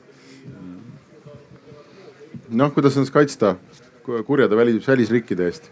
No ega see ei ole midagi uut, et äh, ma tooksin paralleeli, et kui vanasti turvamees valvas raamatupidamisdokumenti, mis oli paberi peal, et siis äh, tuleb lihtsalt, see turvamees on teistsugune onju, et, et, et äh, et need suured riigid kindlasti teavad väga palju omavad ja kasutavad seda absoluutselt ära, siin ei ole ju küsimust. siin Välisluureameti aastaraamat ja Kaitsepolitsei aastaraamat räägivad sellest ju ammu juba, et et äh, ikkagi võib-olla veel jätkata sedasama joont, et, äh, et äh, siin oli küsimus, kuidas seda teha, et, et kui, kui ma muidu usaldan sõpra, noh niimoodi näost näkku ja räägin temaga, siis siin töötab minu meelest sama loogika, et sa pead andmeid jagama sellega ja sellisel moel, nagu sa usaldad sõpra nii palju, kui sa seda teha saad loomulikult selles keskkonnas, ma mõistan väga hästi, et see ei ole päris nagu mm -hmm. absoluutne, aga, aga mõtteviisina ikkagi, ikkagi nõnda, et ja mulle meeldis ka see, see mõtteviis, mis siit läbi käis. et kui, kui ma teen midagi halba, siis ma ei ole ka rünnatav. tähendab seda, et, et minu osas ei saa väga palju kas kompromiteerida, kui ma rikkaks saan või lähen valitsusliikmeks et või blokeerida minu kontot selleks, et pärast küsida väljapressimise teel raha või üleüldse rünnata siis, et äh, noh, ka avalik uudis, kus äh, oli VKG-s istus, istus sees äh, kuri käsi, nii et, et ma arvan, et nõnda mõeldes on, saab paremaks lihtsalt okay astun korra ravalt maha, mul Aha. on üks kuuekuune beebi, kes on natuke õnnetu ah,. Okay. ma lähen, võib-olla võtan ta siis siia kaasa. selge, aga meil on Maarja kommentaar. ja ma võin lihtsalt kommentaari öelda, et tegelikult see sotsiaalmeedia usaldusväärsus on tegelikult ma ei tea, kas töötab või? et äh, ta on tegelikult äh, väga oluline, et kui me mõtleme näiteks, ma ei tea, Airbnb peale, et ma tahan minna, ma ei tea, Austraaliasse reisile siis ma ei vali eales endale Airbnb maja, kus põhimõtteliselt ei ole mitte ühtegi kommentaari, kuhu keegi ei ole tagasisidet andnud, äh, kus on näha, et see konto on loodud alles eile. et tegelikult see, see, et et kui me kõike varjame, kõike teeme, siis mõnes mõttes see hakkab meie elu ka, ka takistama, et, et tegelikult seda, seda tuleb nagu ka ära kasutada, et, et igasugused needsamad, et ma ei tea, mingid taksoäpid ka, et kui sa tead, et selle taksojuhi, ma ei tea, keskmine hinne on viis koma null, sellepärast et ta sõidab super hästi, laseb head mussi, viib alati nii-öelda kõige mugavama sõidukiga sind punktist A punkti B loomulikult ma võtan tema äh, võrreldes siis sellega, kellel on, ma ei tea, neli koma null ja, ja on teada, et ta paar korda on lennujaama näiteks hiljaks jäänud. et, et äh, mina, mina vist ei kuulu sinna päris sinna paranoikute hulka, et mulle pigem meeldib see, et meil ikkagi on see võimalus, et äh, jäljed jäävad maha ja inimesel on võimalus seda jälge ka jätta maha, et sellised portaalid on olemas mm. -hmm. et see ikkagi tekitab sulle nagu mingisuguse identiteedi internetis või et mingi, mingi keskkond ütleb, et, et sa oled okei okay jah, et sa oled nagu usaldusväärne, et kasvõi, kasvõi see, et äh, ma ei tea, kõik me laeme alla äppe, aga e, e, noh, me ei lae ju alla äppi, millel põhimõtteliselt äh, keegi mitte midagi ei ole kommenteerinud. Võib-olla asukohariigiks on, ütleme meil idanaaber mm. ja, ja nii edasi, et tegelikult, et seal on neid selliseid infokilde mingite asjade kohta, mis annavad sulle endale selle nii-öelda otsuse langetada, et kas see asi väärib usaldust või mitte aga see on arust huvitav, ütleme, et see on kahe otsaga, et äh, see takso pool, et äh, me oleme harjunud sellega, et me oleme teenuspakkujale hindeid. sest et siis ma saan oskan valida. Aga sama meie enda ettevõte, Eesti ettevõte Taxify ju, neil oli vahepeal rak-, see rakendus ka võimalus, kus taksojuhid äh, reitisid kliente ja see on Uberis olnud ka minu meelest kogu aeg vastupidi, et sa lihtsalt ise ei näe. pigem nagu see pahameelt tekitanud on ju, et just. Airbnb-s on samamoodi et äh, seal on veel niimoodi tehtud, et te olete üksteise pantvangid. et äh, minu meelest mõlemad kirjutavad oma review'd valmis ja siis alles avalikult näidatakse neid nagu. et, äh, et sa ei saa nii-öelda reageerida oma review's talle ja öelda, et aga ta ise oli ka loll. vaid et mõlemad kirjutavad sõltumatult valmis ja siis pannakse üles. et, et selliseid mehhanisme kahtlemata ehitatakse. muide, mul tuli meelde seoses äh, seoses Maarja kommentaariga siin, et üks teema, mis on Eestis suhteliselt vähe tähelepanu saanud, aga, aga USA-s on ju suhteliselt kõvasti üles tõstetud, on, on riistvara usaldusväärsus. et noh, seal ikkagi äh, demokraatliku partei kandidaatidele öeldi, et äh, teie palun Huawei ja ZTE telefone mitte mingil tingimusel ei osta ja isegi kui tasuta pakutakse, siis te ei tohi neid vastu võtta sellepärast et, äh, et nad seal mõlema firma taga on, ma ei tea, eks-Hiina military, kes iganes ja noh, ühesõnaga, et riistvara ise ei ole usaldusväärne sellest, kui me niimoodi mõtlema hakkame, no issand, me ei saa ju mitte midagi teha või ühtegi seadet ei saa kasutada. isegi kui ma kasutan iPhone'i näiteks ja ütlen, et ma usaldan Tim Cooki sellepärast, et ta on äh, öelnud, et teda saab usaldada. aga teil on võrk ikkagi ju, ma ei tea, kas teil on Huawei või Eestis kellelgi on kindlasti Huawei võrk on ju. Mis seal toimub või kui kaugele nagu saab minna selle mõtteviisiga siis? ega ütleme jah, lõpuks on, et äh, ka usaldus, et äh, nüüd meie vaatest, kui me teenusepakkujana ostame riistvara ehk et siis ähm, on ka meile hästi oluline, et äh, kui palju me omame infot äh, riistvara osas, kui sügavale meid lastakse ja seal me teeme oma valikuid alati, et äh, et on äh, see võitlus ka turul, et äh, see intellektuaalne omandi kaitse, kus ka riistvaratootjad tahavad äh, palju kinni hoida nihukest tarkust, et mitte nagu lasta kopeerida, aga mis teenusepakkujana ka meil tekitab nii inimestel nagu ebausaldust ehk et aga mis seal toimub sees. ja sealt tulenevalt on siis ka need valikud, mida me siis võtame oma teenuse, teenuse pakkumiseks riistvara kasutusse või mitte, aga, aga tõesti need ükstapuha, mis äh, riistvara sa ostad, ehk telefon on lihtne hea näide, et aga kasvõi kojugi, et äh, mida ta teeb, päriselt teeb mm. -hmm. noh, küsimuse, küsimuse kohad eraisikuna ma arvan, on jällegi tuleb paljugi riik appi sellega, kes siis kas siis reguleerib või siis ka tea-, teadutab, teadvustab, sest et tõesti seda kuhu ma oma andmed jätan, on palju räägitud, aga ma arvan, see riistvara otsa ei ole väga palju räägitud, et mis seal võib toimuda. ja, ja seda me tegelikult ju ka nii, ikkagi nii täpselt ju ei tea et on ju leitud Interi protsessoritest kasvõi igasuguseid turvaauke, eks ole, mis on seal aastaid olnud. muide, tõstke käsi, kas kellelgi on kodus äh, näiteks valvekaamera, mis on nutikas ja netti ühendatud? kas keegi ei julge tõsta või kellelgi ei ole? see on salajane info kas kellelgi on äh, näiteks Google'i või Amazoni või need häälepurgid, millega saab rääkida? Ei ole? sa oled ainuke?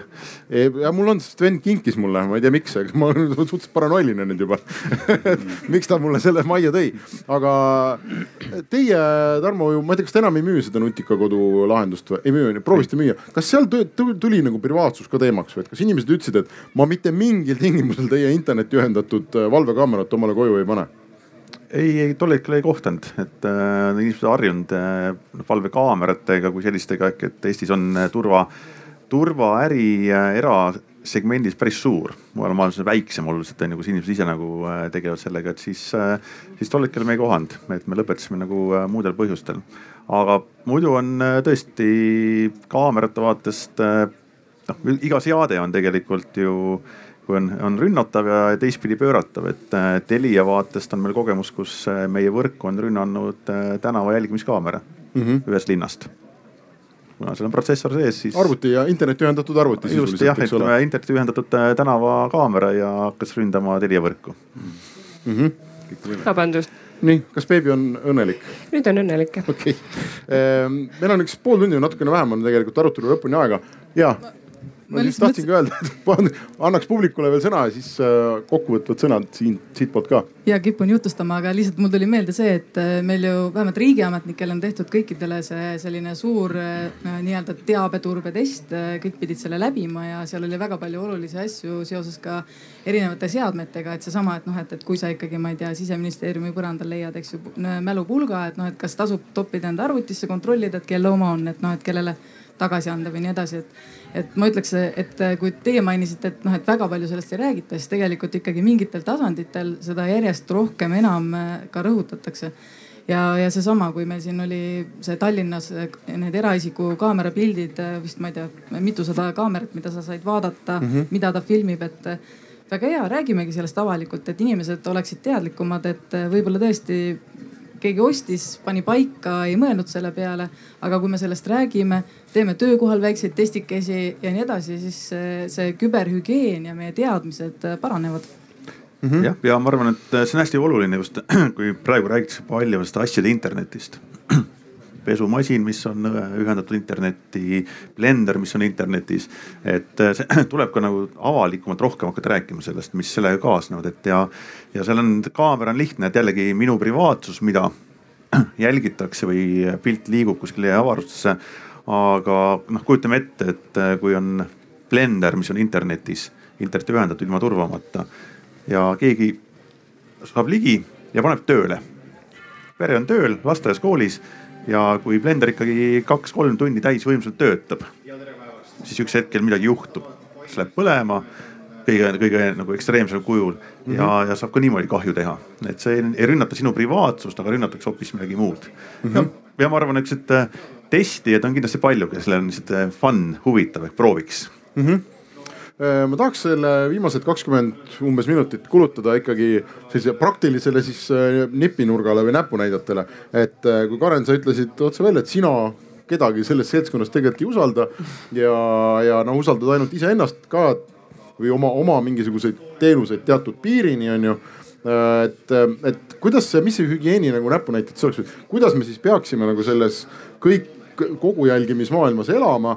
Äh, mis nippe, ma ei tea, mis, mis nõuandeid kasutama selleks, et me oleksime seal nagu paremini, kui me praegu oleme. siin, sina, ma saan aru, et käid internetist läbi kahekümne VPN-i ja, ja varjad identiteete ja sul on tunne, et sul on enam-vähem hästi no ma ei tea, kas nii hästi on, et eks ma iga kord seda sisse ei lülita, et, et, et kui ma käisin noh meediaväljaandeid näiteks Dubaist lugemas, siis ma ei tahtnud, et minu sisu tsenseeritakse. et see on see põhjus näiteks, miks seda mm -hmm. kasutada ehm,. aga üldiselt äh, võtke oma Google või mis iganes muu meilikonto teil on lahti, võta, vaadake privaatsussetting uid ja vaadake mis, mis, mis sealt vastu vaatab, et see on kõige esimene asi, mida ma soovitan teha ähm,. kui iga kuu ei jõua, siis kord kvartalis võiks tegelikult teha sotsiaalmeedia auditit. mis see siis on? Võtta oma sotsiaalmeediakonto lahti, Instagram, Twitter, mis iganes te vaatate ja kontrollida üle, et, et kas keegi äkki ei ole teid, kasvõi tüpoga on mind tag itud piltide juurde, kus ma tegelikult kindlasti olla ei, ei tahaks ja kes minu jaoks on võõrad inimesed. Ähm, kas on keegi jaganud sisu, noh jällegi sihuke tag imise koht, mida, mida nagu üle vaadata ja puhastada. Ähm,. noh, VPN, kas on või ei ole, et eks oleneb, kuidas mida te internetis teete. Võib-olla kus riikides te reisite, eks ole, ja mis sisu te tahate lugeda. Ehm, ja Facebookis samamoodi, et privaatsussettingud võtta lihtsalt lahti ja vaadata, vaadata üle. Ehm, mina näiteks ka, ka noh, lastel jag, üritan jagada mitte näopilte ja nii edasi, et, et noh, mida nemad tahaksid kümne aasta pärast netist vastu vaadata, kas nad juba tahavad, et, et neil on konto sünnist saadik või, või nad tahaksid olla, ise astuda sellesse nii-öelda digiellu omal tingimustel mm. -hmm ja ma tahaks just, et äh, ka publik jagaks oma selliseid näpunäiteid või nippe, et mina, ma siin tunnistan üles, mina kustutasin oma Twitteri ajaloo ära igaks juhuks näiteks. mina lihtsalt äh, sealtpoolt vaadates jäi mulle kuulates digihügieeni küsimust äh, silma üks väga huvitav pilt. ehk siis minu selja taga on siin olemas üks linnupüüdla, kust käivad välja sellised juhtmed ja kuhu on võimalik ühendada oma telefon külge. Me kõik äh, räägime sellest, kuidas äh, me ei tohiks äh, maast leitud mälupulka pista, kuhu iganes, eks ju. Aga me hetkel oleme valmis siin kõik panema ja Henrik võtab oma telefoni just nimelt ära, eks ju. aga kes soovib teha siin nagu pilte näidistest, et kuidas tegelikult toimub selles mõttes inimeste õpetamine ebaturvaliselt käituma, ühendama telefoni ükskõik kuhu. ma tõesti loodan, et seal tõesti taga on ainult toiteplokk, eks ju. aga see on täpselt see muster, mida me ei tohiks oma turunduses kasutada selleks, et me, me õpetame inimesi tegema asju, mis põhimõtteliselt on sellised, mille eest peaks nagu noh, niimoodi firma infoseki pool peaks nagu näpud sahtli vahele panema, et, et. On muidu väga-väga hea lahendus kindlasti. aga, aga palun kandke endaga kaasas oma enda laadijat alati. oota, Pets, kas juhtmevaba laadimine oleks okei okay või? või on see tänapäeval ka juba lahti murtud, et äh, data liigub ka? juhtmevaba, juhtmevaba laadimine ilmselt on nagu okei okay,, kuniks sa lülitad välja omad mingid NFC-d ja muud asjad. antud puhul on see küsimus on selles, et kui sa ühendad oma telefoni USB-ga, siis sa põhimõtteliselt ühendad selle noh, nii-öelda ütleme oma arvuti emaplaadiga, eks ju ehk et äh, kõik need küsimused, ka see, et kui sa lähed kuhugi esinema ja sa ühendad oma äh, läpaka, sul on see võib-olla uuem läpakas, kuhu käib see nii-öelda dongle vahele, mis on üleminek siis äh, meie infoturbe nõuab seda, tähendab, et meil peab igaühel olema kaasas isiklik. me ei kasuta kusagil võõrast donglit, sest ta läheb täpselt samasse sellesse tänapäeval sellesse USB-C-sse või siis DisplayPorti, mis läheb väga intiimselt arvuti külge, nii et selles mõttes, et noh, nagu see on nagu selline noh, näitlik, näitlik õppevahet on kohal, aitäh okei okay., nii ma vaataks veel nüüd publiku otsa suht otsivalt ringi, jah, palun, Liis. kas keegi on teinud sotsiaalmeedia auditit, mis vastu vaatas? olen teinud sotsiaalmeedia auditit küll ja Google'is ka privaatsussätted on äh, pandud nii, et äh, ta ei või meelde jätta, mida ma Youtube'is vaatasin, aga see on rohkem nagu minu meelerahu jaoks, et ma ei usu elu sees, et Google ei jäta tegelikult meelde, mida ma seal Youtube'is vaatasin, et lihtsalt, äh, lihtsalt mina ei tea, mida nad nüüd täpselt teavad minu kohta. Google salvestab absoluutselt kogu Youtube'i ajaloo kõik. ma seda hommikul vaatasin. aga nüüd sul on siis, sul on vähemalt see pluss, et nad ei näita sulle seda. jah, täpselt, ma tahan vähemalt ise olla. kõva edasiminek. aga mm, ma tahtsin võib-olla natuke seda nagu paranoia taset veel kõrgemale ajada, et mm, tegelikult meil ei peagi olema nagu väga mingid sellised äh, blenderid või nutitelefonid, mis meid jälgivad, vaid ma ei tea, kas Eestis juba osades kodudes on äkki digitaalsed veemõõtjad, mis iga viie minuti tagant näiteks saadavad infot sinu veetarv, veeettevõttele mistõttu vee-ettevõte võib teha järeldusi, et kui, kui mitu inimest selles peres elab, milliseid kodumasinaid kasutatakse hmm,. kas siin perekonnas on keskealiseid mehi, kellel on eesnäärmega probleeme, nad käivad öösel vetsus mitu korda. ehk et ähm, mõelge selle peale. aga see on ju kõik meie enda hüvanguks, tervise või kui veeleke näiteks toimub, nad saavad teada, see on ju ainult hea. ja, ja nad ütlevad ka, et see on selleks, et me saaksime näiteks, et võib-olla kui on mingisugune äh, epideemia, kõik on, kõik terve, terve. terve kalamaja saab koolera jah ja,? jah, siis nad teavad. kalamaja või terve kortermaja on käinud noarestoranis, eks ju, siis me saame kohe vaadata, et jah aga minu meelest see on, see on hoopis hirmutavam, sest äh, kui sa mõtled selle peale, et ka, mida sinu elektritarbimine või veetarbimine sinu kohta näitab ja kui sa paned selle kokku võib-olla siis ka Telia andmetega, mida Telia sinu kohta teab, siis see on juba päris hirmus. et käib öösiti vetsus ja istub internetis mida ta sealt vaatab siis, kui ta öösel vetsus käib internetis? viies selle võib-olla üks kraad veel, veel hullemaks, et USA-s on üks uus elementmajade tootja, kes ütlebki oma maja kohta, et see ei ole mitte maja, vaid see on riistvara kuhu me paneme kohe tehasest tarkvara külge.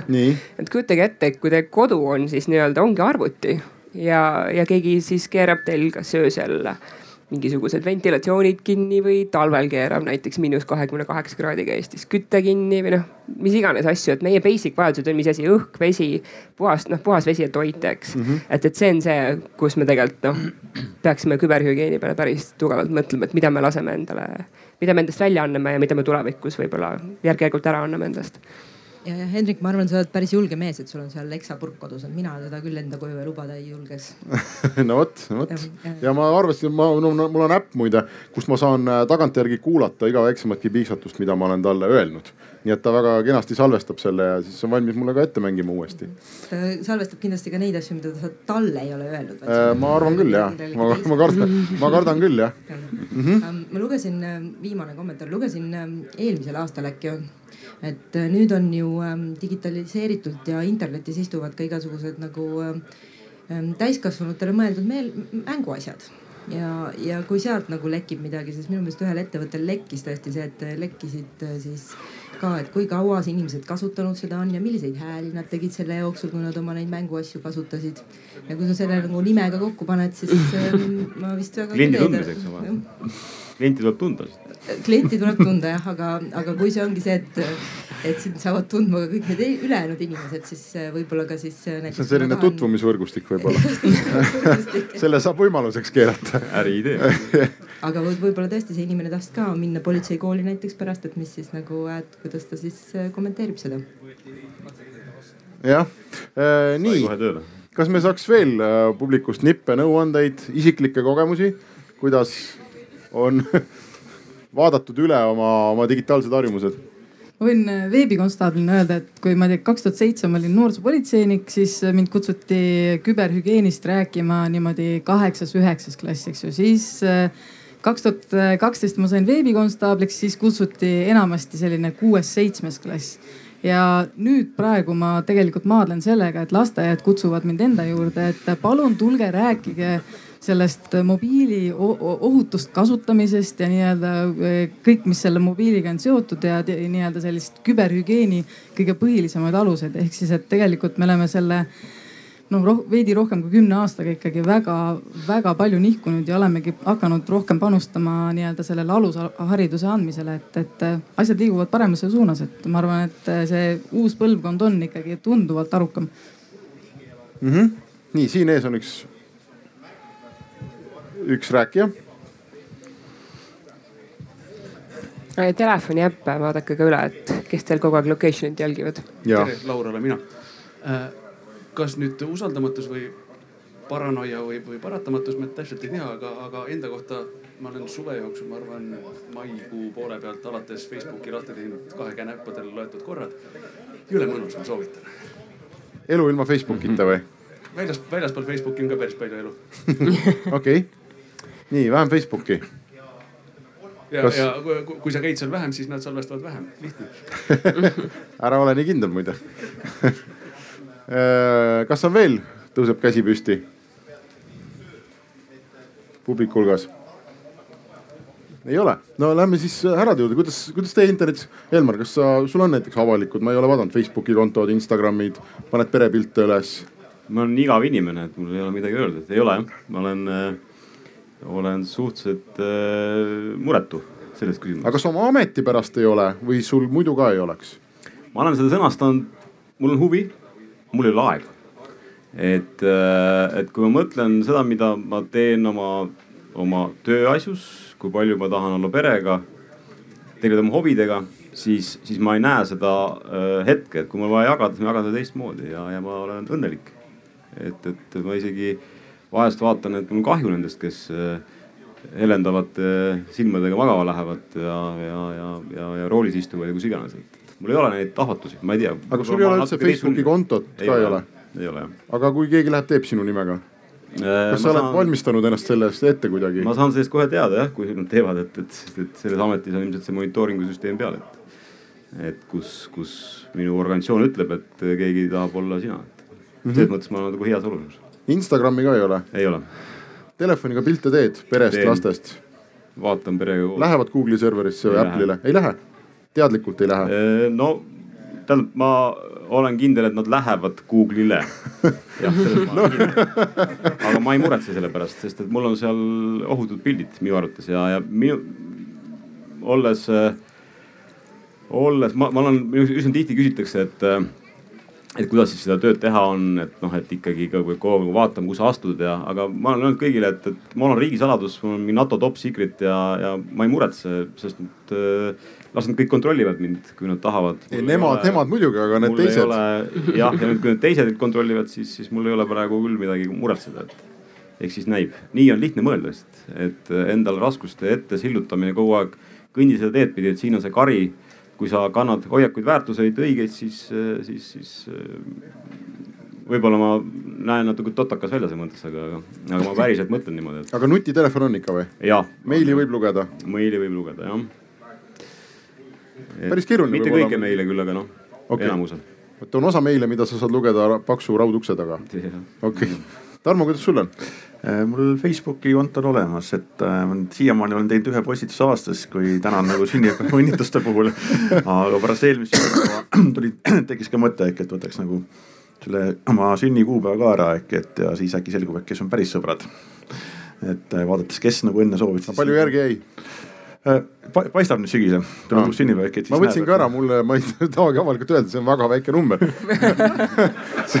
Mõned, mõned inimesed isegi ütlevad, et see ei ole number, aga selle üle vaieldakse matemaatikas. aga muidu on, äh, kuna lapsed on, äh, lapsed on teinud kontot, siis on ja teismelised on ju siin neli, kolmteist, neliteist on ju, et siis jälgin ehk et paratamatult aeg-ajalt tekib apsak, apsakaid ja, ja ahvatlusi, kus liitutakse mõne grupiga ja siis küsin, et miks siis, et noh, pinginaaber soovitas, ütles, et liitu. ja siis, kui me koos käime läbi, vaatame üle, räägime, on ju, siis on nagu eemaldan ennast sealt, et, et noh, aeg, nad no, päris palju teavad, aga aeg-ajalt on tuge vaja ehk et mis, mis ja kus nad nagu toimetavad seal ja, ja lisaks aitan paaril ühel spordiklubil ka nende Facebooki lehte hoida, siis omal kontos on olema, onju. Mhm. aga, aga mõttes tõesti nüüd, et kas Facebookis olen palju rääkinud, siis äh, oma nüüd kolmeteistaastane tüdruk ütles äh, mulle üleeile et ma küsin. noh, kaua, kaua olnud, siis ma olen kaks päeva Facebookis olnud, aga kogu aeg on telefonis mis ta teeb seal? no Snapchat ja hoopis mujal ja, ja kui, kui mõelda äkki, et mis kui Facebookis sa teed mingeid postitusi, siis see, mida sõnakasutust ja mis suhtlust sa seal kasutad, hoopis teine ehk et nad on, noored leiuvad hoopis juba uutesse, et ma arvan, veebikonstaabel oskab nagu öelda, ehk et kuhu nad täna juba liiguvad. et see Facebook on pigem nagu öeldakse, et noh, see on teiesuguste jaoks mm. -hmm. ja kuskil nad ikka on, Helmar? kusjuures minul on ka üheteistaastane poeg, kes on ka no reeglid on paigas, aktiivne aga tegelikult on väga palju mänge lastele, kus tegelikult õpetatakse tunduvalt rohkem seda hügieeni, kui, kui mina üldse nagu olen õppinud või saanud aru, et, et. et ikka tahad uksest läbi saada, siis pead midagi seal tegema, et, et edasi uksest saada, et, et tegelikult ka see on üks koht, kus, kui Maarja ütles siin, et tuleb lasteaedadega tegeleda, siis mis, millisel moel me pistame ette neid haridusnõkse, onju, et üks asi on teha loeng, onju, kõik tulevad, panevad käed põlve, kuulavad mingit internetijuttu aga, aga teine asi läbi mängude, mängude anda ikkagi neid äh, turvalisuse nagu, nagu nippe või tööriistasid kogu aeg pihku. Maarja, kas sul on mikrofoni, ei ole? kas sa on, eh, ma tahtsin küsida su käest, kumb on hullem äh, riskigrupp äh, netis riskikäitumise mõttes? kas lapsed või täiskasvanud? hea küsimus ma ütleks selle peale, et äh, teismelised teavad väga täpselt, kus on reeglid, mida tasub jagada, mida mitte, aga nende puhul me räägime ikkagi sellest, et ta on teismeline, kellel on kalduvus riskida. ja selles suhtes tegelikult äh, see, et nendega juhtub rohkem, on suurem tõenäosus. et võib-olla äh, vanem generatsioon on on teadmatum ja, ja aga see, seetõttu ka ta võib-olla pelgab rohkem, et ta ei, ta ei klikka nii palju, ta hakkab pigem hakkab nagu üle mõtlema, kui see, et ta mõtleb ala. Et, et äh, mulle väga paljud noored ongi öelnud, et ah, et mul on kõige uuem viirusetõrje või et ah, mul on ju iPhone umbes, et see tõrjub kõik mingid hullud viirused ja värgid ära ja, ja umbes, et mis mul ikka juhtuda saab, et, et las ta võtab selle konto ära, ma teen kohe uue, eks ju, et ei ole, ei ole hullu, et, et sa näed, et seal tegelikult ta teab, et jama võib tulla, aga see ei tähenda seda, et ta, ta seda nagu käitumist muudaks endal mm. -hmm. vist on nii ka, Maarja, et et nooruses tehtud uljad ja, ja, ja riske võetud sündmused hakkavad sulle tegelikult muret tekitama alles äh, viie-kuue aasta pärast onju. siis ja. hakkad mõtlema, oot, mis ma nüüd siis tegin onju. ja siis hakkab see, et siis oled sa uljas nagu ikka onju, siis hakkad alles kaalutletult mõtlema. mul on olnud isegi selline täiesti ka juhtum, et noh, ma olen nüüd olnud kuus aastat veebikonstaabel ja, ja põhimõtteliselt üks esimesi juhtumeid, kus oligi üks tütarlaps Äh, ise levitas endast äh, üsna alasti pilte, ta ei olnud küll päris alasti, aga, aga ta oli, ta oli kolmteist ja ikkagi väga napilt riides ja püüdsin selgitada, et ei ole ikka päris okei okay ja, ja püüa ikkagi nii-öelda teinekord valida, kuhu ja mida.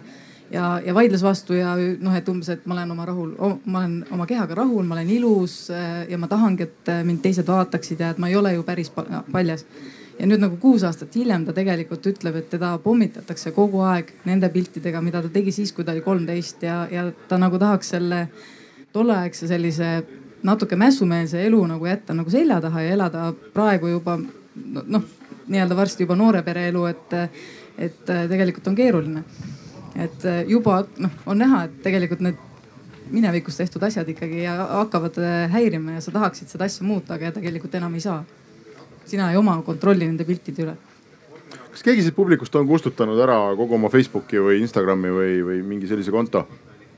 üks? kas ma saaks sinna mikrofoni, ma tahaks, et sa räägiks, miks sa, miks ja kuidas sa seda tegid? seal. mina olen korduvalt mõelnud selle üle, aga kuidagi alati on, viimasel hetkel ikka näpp lööb vedelaks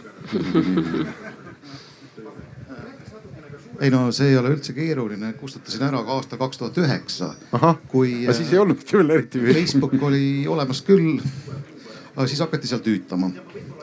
nüüd äh, möödunud sügisel töö juures oli Facebooki vaja ja ma läksin sinna uuesti, siis tuli välja, et ta ei olnud kustunud üldse. et äh, hoolimata sellest, et ma panin linnukese, kustuta mul andmed lõplikult, jäädavalt tagasi minnes kõik oli olemas ja mul oli kakssada viiskümmend sõpra ja Nad olid sind kaheksa aastat truult oodanud. Nad olid kaheksa aastat tekkinud ja truult oodanud. päris sõprus noh see ongi päris sõprus, nad ootasid. ei, aga ma kustutasin, tegelikult ei kustu. aga tulles nüüd äh, paranoia juurde äh, tagasi, siis äh, tõenäoliselt see on ka üks näide, kus tegelikult ei tule vastu mitte paranoia, vaid lihtne lollus et äh, kui Facebook lubab midagi ja ta ei tee seda, see on lihtne lollus. Äh, samasugune lihtne lollus on tegelikult see, et äh, kui ma olen Amazonist ostnud sellesamusegi veekeet ja miks mul hakkavad peale seda tulema veekeedu reklaamid igal pool. see on väga suur ja kallis big data analüüs et noh, seal on minu kohta meeletu ajalugu, aga olgem ausad, selle kasutamisoskus Eh, noh, võib-olla eh, kolmetähelistel organisatsioonidel on, aga, aga nii-öelda äriettevõtetel noh, ta on suhteliselt sitt. Eh, ütleme niimoodi, võtame, võtame kas siin eestvedaja Telia siin, et noh, temal on ka minu kohta teada igast asju, aga, aga tulevad paketireklaamid peale seda, kui ma paketti vahetan. no, no, no see näitab, et ei ole usaldusväärne, nad ei oska minu andmetega tegelikult midagi asjalikku peale hakata. veel veel, jah, aga ega samas... tegelikult nad ei hakkagi oskama, see, no neil ei ole vaja seda. Ehm, hea küll, meil on äh, aeg äh, vist siin otsad kokku tõmmata, kui on veel kellelgi äh, lõpumõtteid lisada, kuidas siis ellu jääda internetis. kas me saame siis loota ikkagi selle peale, kuulge öelge mulle nüüd paneeli lõpetuseks, et, et siin kõlas nagu A lootus oli see, et kõik teevad, järelikult noh, hiljem saab öelda, et kõik tegid ju. et kui mingi jama on ja B, et noh, niikuinii usaldada kedagi ei saa, et noh, tasub siis pigem ikkagi nagu edasi minna, teist varianti ka nagu ei ole. ühesõnaga, me istu, oleme poolteist tundi ära istunud ja targemaks ei saanud. Üks USA, üks USA kaitseminister on öelnud minu arust hästi tabavalt ja, ja see töötab selles küsimuses väga hästi, et me teame, mis me teame. me teame, mida me ei tea, aga me ei tea, mida me ei tea, et äh, see tänane poolteist tundi on selles just viimases osas. jah, et me ei tea, mida me ei tea. Karen, lähme edasi internetis jah noh. Kinni ei pane. Ilmselt kinni ei pane, et see on ju raske, aga üha teadlikum võiks ikkagi olla, et ma usun, et see on küll asi, mis on kõvasti muutunud Eestis. sihukese viimase viie aasta jooksul kindlasti, et inimesed on teadlikumad ja, ja nooremad inimesed eriti on, on noh ka teadlikud, mis jäljed nad maha jätavad. mina olen ju veel nii paranoiline, et mul on kõik lepingud ja asjad on paberkoopial, ma mitte kunagi ei võta digikoopiat Need on notariga tembeldatud ja need on mul ema juures kummutis. mis lepingud? no korteriost kasvõi uh -huh. või töölepingud ja kõik on, kõik on paberi peal. et digiallkirja ma ei olnud ju andnudki, kuni ma Eestisse kolisin aga mis mi,, mida sa kardad? digiallkirjastatud töölepingu puhul, mis on, mis on võimalikud ohud äh,? Lihtsalt see on selline, et ma tahan, et see on noh, midagi, mida, mida, mida ma kardan. kõik näevad, et teenib nii palju raha, töötab seal ja aadress on selline, et ega sealt muud midagi erilist lekkida ei olegi. aga noh, kodu, koduostuasjad või, või noh kellega ma koos selle ostsin, miks, kes tagatise andis. et selliseid asju ma olen jah kõik hoidnud äh, ikkagi paberi peal. Aga notaril on vana Windows seitsmega arvuti, kus on see Wordist parembonuskorter.doc on, tean, aga noh, see on seesama koht, kus ma loodan, et äkki see ei ole siis ikkagi nii lõpuni oluline, et mina olen endast kõikvõimalikku teinud. ja mul on ka kaks seda kõva ketast ja varukoopiad, et ma ei hoia asju pilves. Et sa oled nagu selline noorema põlvkonna Anto Veldre mulle tunduma. Tarmo ma arvan, et äh, on palju räägitud internetis, kui et see on nagu paralleelühiskond või? Ehk et äh, mis eksisteerib siin kõrval ja nii nagu me iga päev ju meie reaalne ühiskond muutub, me õpime siin elama, käituma äh,, toimetama, et, et kuidas tohib, kuidas ei tohi, mida, kus on ohud, kus ei ole ohud, siis äh, ma arvan, täpselt sama on, kehtib ka interneti kohta, et see maailm muutub. ei ole olemas kuldset retseptit täna, sest äh, et see, see, ühis, see on sama, samasugune ühiskond, mis muutub ja, ja poole aasta pärast ma arvan, me rääkisime juba uutest äh, teemadest, mis on äh, vahepeal toimunud, äh, lisandunud internetti, mille eest peab, mille peale peab mõtlema. et, äh, et seda tulebki nii võtta, et see ei ole midagi nihuke kinnine keskkond, vaid öeldagi, et see on meie kõrval teine, teine ühiskond, mis toimib. ökosüsteem. üks selline suur eksperiment tegelikult. võib ka nii öelda, aga et äh, kui ma olen sinna sisenenud, siis ma pean õppima seal käituma. kas ilma saaks muide või? on proovitud kindlasti ju, kes on äh, tõesti läinudki metsa ja ilma internetita ja proovinud ja käinud ja rattaga sõidab kuskil, et äh, saab ikka hakkama, aga Eestis on ju järjest järjest keerulisem see Una Bomber, mul tuli meelde, see USA, see Una Bomber oli, tema elas täpselt sellist elu, et viis jalgrattaga neid pakke enam-vähem või bussiga. ja lõpuks võeti ikka vahele nii et võtame lepimiskokku, et ei saa ilma, aga meie aeg on läbi. aitäh kõigile ja järgmine arutelu hakkab poole tunni pärast siin